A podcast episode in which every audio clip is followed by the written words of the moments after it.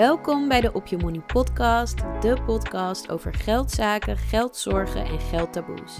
Ik ben je host, Jonelle Talks Money, een money mindset coach die je helpt om financiële en innerlijke rijkdom te creëren in je leven en zo je beste zelf te zijn op financieel vlak, maar ook daarbuiten.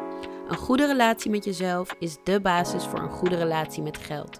Daarom bespreken we in deze podcast niet alleen de financiële kant, dus het leren investeren, het kijken naar je uitgavenpatroon en manieren om goed met geld om te gaan, maar ook hoe je je zelfvertrouwen, eigenwaarde en gevoel van zelfliefde kunt vergroten. Ik ben ontzettend blij dat je er bent, dus laten we snel beginnen. Hallo en welkom bij de aller, allereerste aflevering van de Op Je Money podcast. Ik ben zo enthousiast en zo blij om hier nu eindelijk te zitten en deze podcast op te nemen. En als je dit hoort, betekent het dat het dus ook echt mensen luisteren. Dus welkom en dankjewel dat je hier naar luistert. Um, zoals ik al zei, is het de allereerste aflevering. Dus het staat vooral in het teken van introductie. Ik ga mezelf voorstellen, vertellen wie ik ben, wat ik doe, waarom ik deze podcast heb gemaakt en ook wat je kan verwachten van deze podcast in verdere afleveringen. En ik kan natuurlijk niet beginnen voordat ik mezelf goed heb voorgesteld. Dus hallo bij deze. Mijn naam is Jonelle en ik ben een money mindset coach. En dat betekent dat ik mensen help bij het verbeteren obviously, van hun money mindset. En money mindset houdt in alle gedachten, overtuigingen, gedragingen um, en ook de ervaringen die jij hebt rondom geld. Dus um, ja, dat kan van alles zijn. Je money mindset is vaak ook Ehm, iets wat je meekrijgt in je jeugd. Dus die wordt best wel, die gedachten en overtuigingen worden best wel vroeg gevormd. Ongeveer ja, tot en met je zevende jaar zit dat er best wel uh, verankerd in. En dat bepaalt ook welke gedragingen en gewoontes jij gaat opbouwen later in je leven. Als money mindset coach maak ik onderscheid tussen een productieve en een onproductieve money mindset. En een productieve money mindset houdt in dat jouw money mindset je helpt bij het behalen van jouw financiële doelen. Dus bijvoorbeeld als jouw financiële doel is om 10.000 euro te sparen, dan is een overtuiging die daarbij helpt, dus productief is, bijvoorbeeld ik ben goed met geld, ik kan goed sparen, ik ben een doorzetter. En een overtuiging die daarbij juist niet helpt, um, is een onproductieve overtuiging, is bijvoorbeeld geld is slecht of mensen met geld zijn slecht. En dat is dan een overtuiging die mensen vaak meekrijgen in hun jeugd of van hun omgeving als ze bepaalde dingen zien. Maar uiteindelijk, als jij 10.000 euro wil sparen of je wil veel geld hebben, um, of genoeg geld hebben voor jezelf, dan is dat geen productieve overtuiging, omdat niemand slecht wil zijn. Dus als jij geld en mensen met geld slecht vindt, je wil niet slecht zijn, dan ga je jezelf onbewust tegenwerken. Want als jij veel geld zou hebben, of als jij die 10.000 euro zou hebben, dan zou dat betekenen dat je slecht bent. En dat wil je natuurlijk niet. Dus zo'n overtuiging, mensen met geld zijn slecht of geld is slecht, um, is in dat geval onproductief. En hetzelfde met gedrag. Als je doel nog steeds is om 10.000 euro te sparen en um, een productieve gedrag kan dan bijvoorbeeld zijn elke keer dat jij je salaris krijgt, uh, zet je het deel wat jij kan missen op je spaarrekening, laten we zeggen 100 euro. Dat is productief, want dat helpt je bij het behalen van je spaardoel. Maar als jij gedurende de maand emotionele aankopen doet, waardoor je meer uitgeeft dan je hebt binnengekregen, en gedurende de maand snoep je die 100 euro steeds weer terug van je spaarrekening, zodat je aan het einde van de maand technisch gezien 0 euro hebt gespaard, dan is dat een onproductief, uh, onproductieve gedraging of onproductief gedrag. En dit voorbeeld laat ook al wel zien dat productief en onproductief elkaar niet uitsluit. Vaak is het zo dat mensen uh, productieve overtuigingen en gedragingen hebben op het bewuste niveau, maar dat ze onbewust overtuigingen hebben en gedragingen die dat juist weer tegenwerken, dus die onproductief zijn.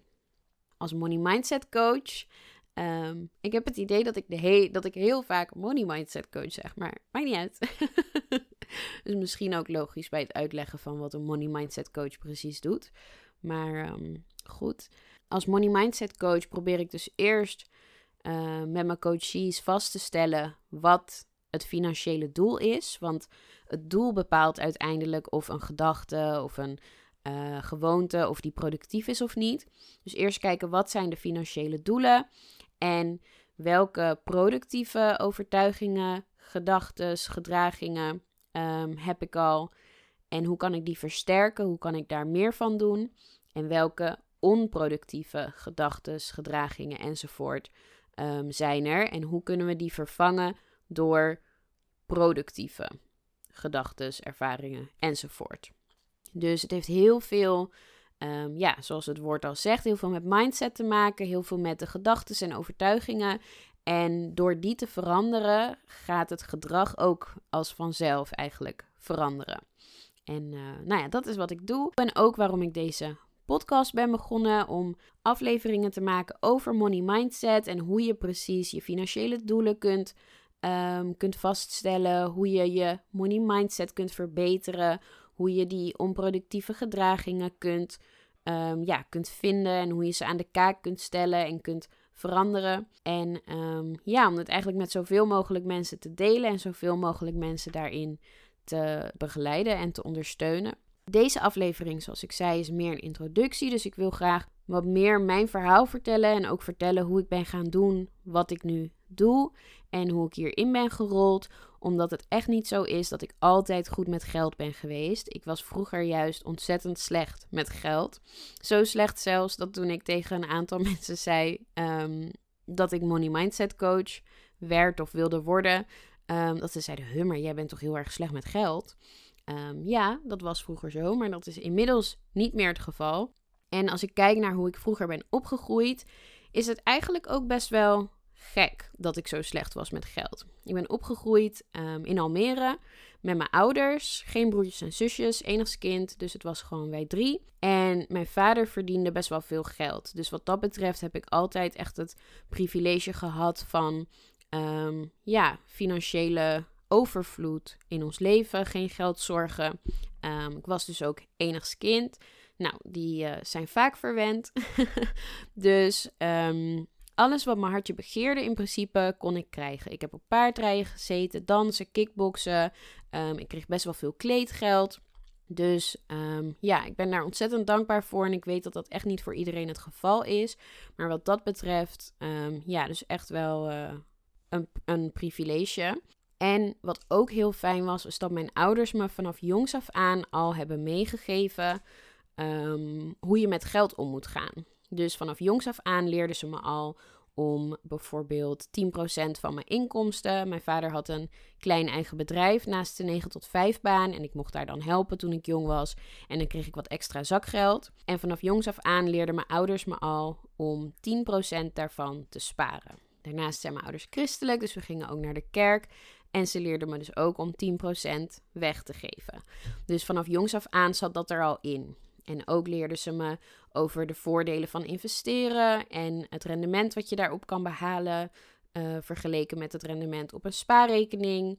En um, over het doen van een opleiding en hoe dat je kansen, hoe dat je baanzekerheid en je kansen op een hoger salaris kan vergroten enzovoort. Dus ik had en die financiële overvloed, maar ook ouders die um, ja, me vanaf jongs af aan al leerden hoe met geld om te gaan. Nou, dan zul je denken dat is toch een ontzettend goede basis. Dan ben je toch uh, vanaf jongs af aan goed met geld. Dat zou je denken, maar dat was toch niet het geval. Toen ik een jaar of 16 was, kreeg ik mijn eerste baantje. En ik had dus mijn eerste salaris. Ik kreeg ook nog kleedgeld, wat ook best wel veel was. Um, als ik dat vergelijk met wat vriendinnetjes kregen. Dus ik had op mijn zestiende al nou ja, best wel een flink inkomen, relatief gezien met leeftijdsgenootjes. Maar ik vond het ook ontzettend leuk om nieuwe dingen te kopen, dure dingen te kopen. En um, als enigst kind vond ik het heel leuk om dingen met vrienden te doen. In mijn ogen moest dat dan ook altijd geld kosten. Dus ik vond het leuk om uit eten te gaan, uit te gaan, drankjes te doen enzovoort, noem maar op.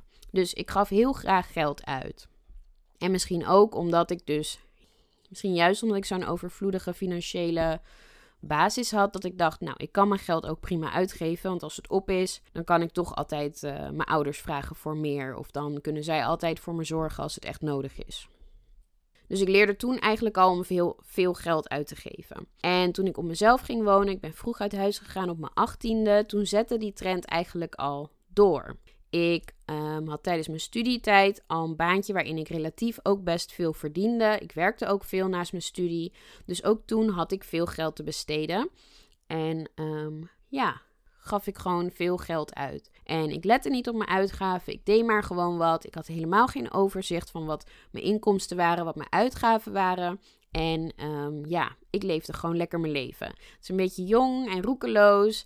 Um, maar dat, ja, die financiële geletterdheid die ik had meegekregen van mijn ouders, dat uh, was ik compleet vergeten.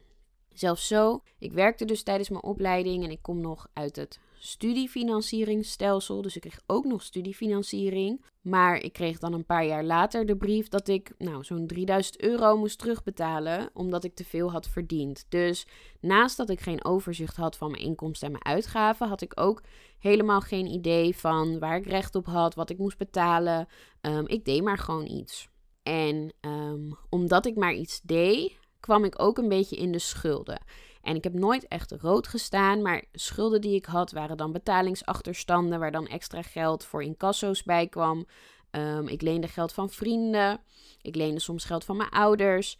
En ik liep hierbij steeds achter de feiten aan. Dus mijn salaris werd gestort en dan moest ik openstaande rekeningen betalen, moest ik vrienden terugbetalen. En omdat ik dus meteen best wel veel dingen moest betalen, was mijn salaris alweer bijna op.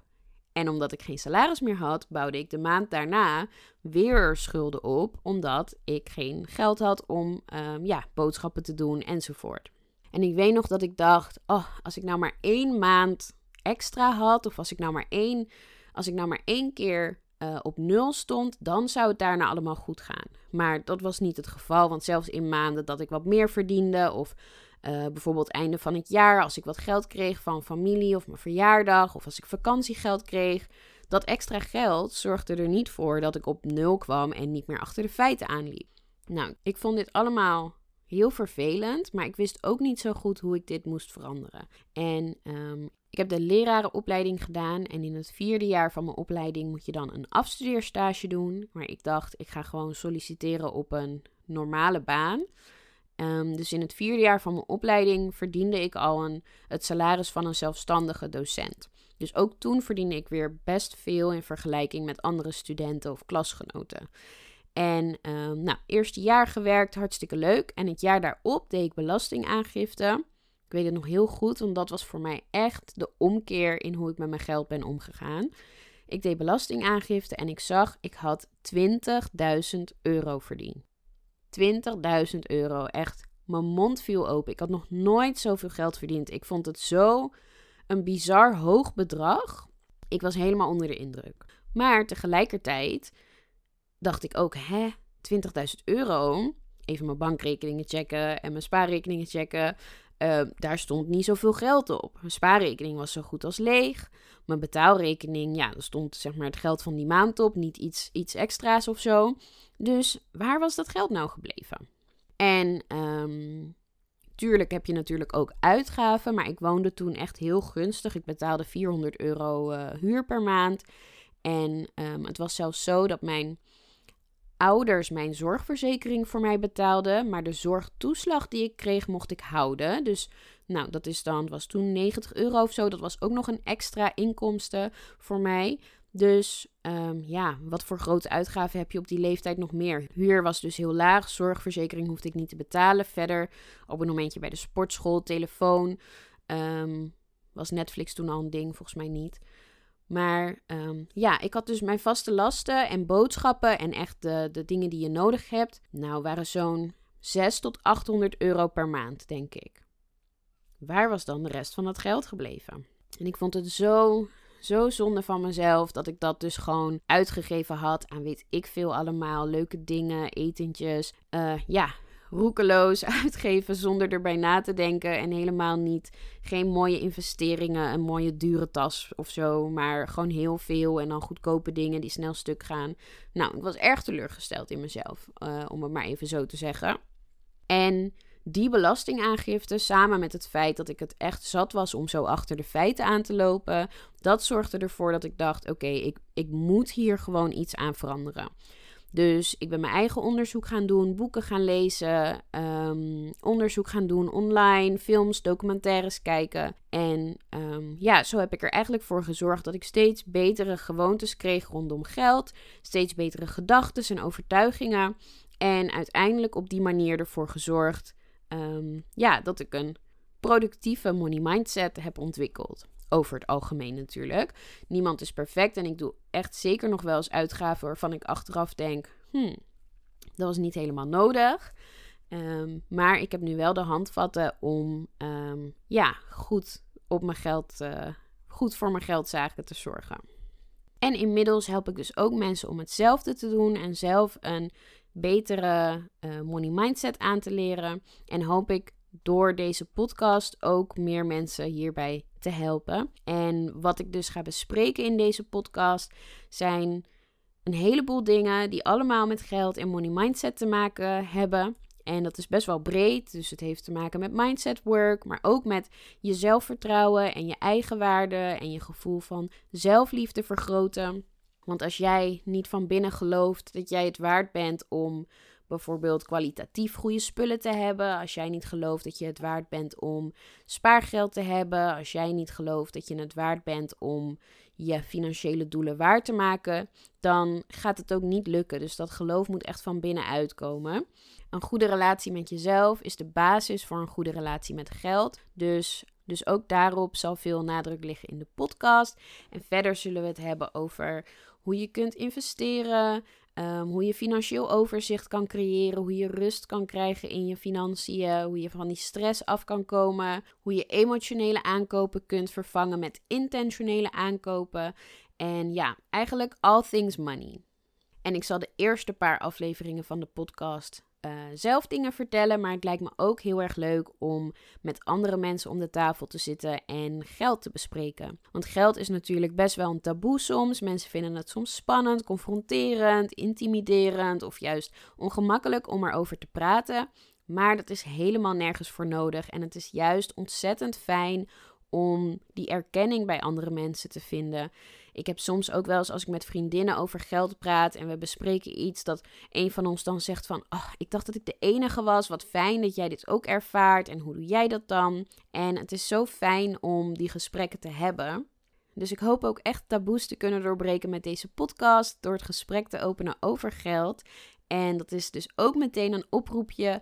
Mocht je in de podcast jouw verhaal willen komen doen over geld en uh, ja, een bepaald onderwerp wat met geld te maken heeft, uh, bespreken, stuur me dan vooral een mailtje. Ik zal mijn e-mailadres in de show notes achterlaten. En uh, ja, het lijkt me ontzettend leuk om binnenkort met andere mensen over geld te praten. En het is dus mijn plan om in de podcast leerzame afleveringen waarin ik meer vertel over het verbeteren van je money mindset af te wisselen met leerzame afleveringen ook waarin ik met andere mensen in gesprek ga over geld. Dus dat is het voor vandaag. Ik heb heel veel over mezelf gepraat, maar hopelijk wel om wat meer een beeld te geven van wie ik ben, wat ik doe en wat je van deze podcast kunt verwachten. Ik hoop ook dat je misschien wat herkenning hebt gevoeld bij het horen van mijn verhaal. En zoals ik zei, money mindset coaching heeft veel te maken met mindsetwerk. Dus als afsluiting nog een vraag om over na te denken en misschien over te journalen. Ja, om bepaalde overtuigingen of gedachten rondom geld naar boven te brengen. Namelijk, wat is jouw eerste herinnering aan geld? En dat kan zijn hoe er met geld werd omgegaan Ehm, in je jeugd of de eerste keer dat je geld ging verdienen, hoe dat was. Dus probeer zo diep mogelijk te graven naar wat jouw eerste herinnering aan geld is. En ik ben heel benieuwd, dus mocht je je antwoorden willen delen, stuur me dan vooral een berichtje op Instagram of stuur me een mailtje. En uh, dan kunnen we daar verder praten.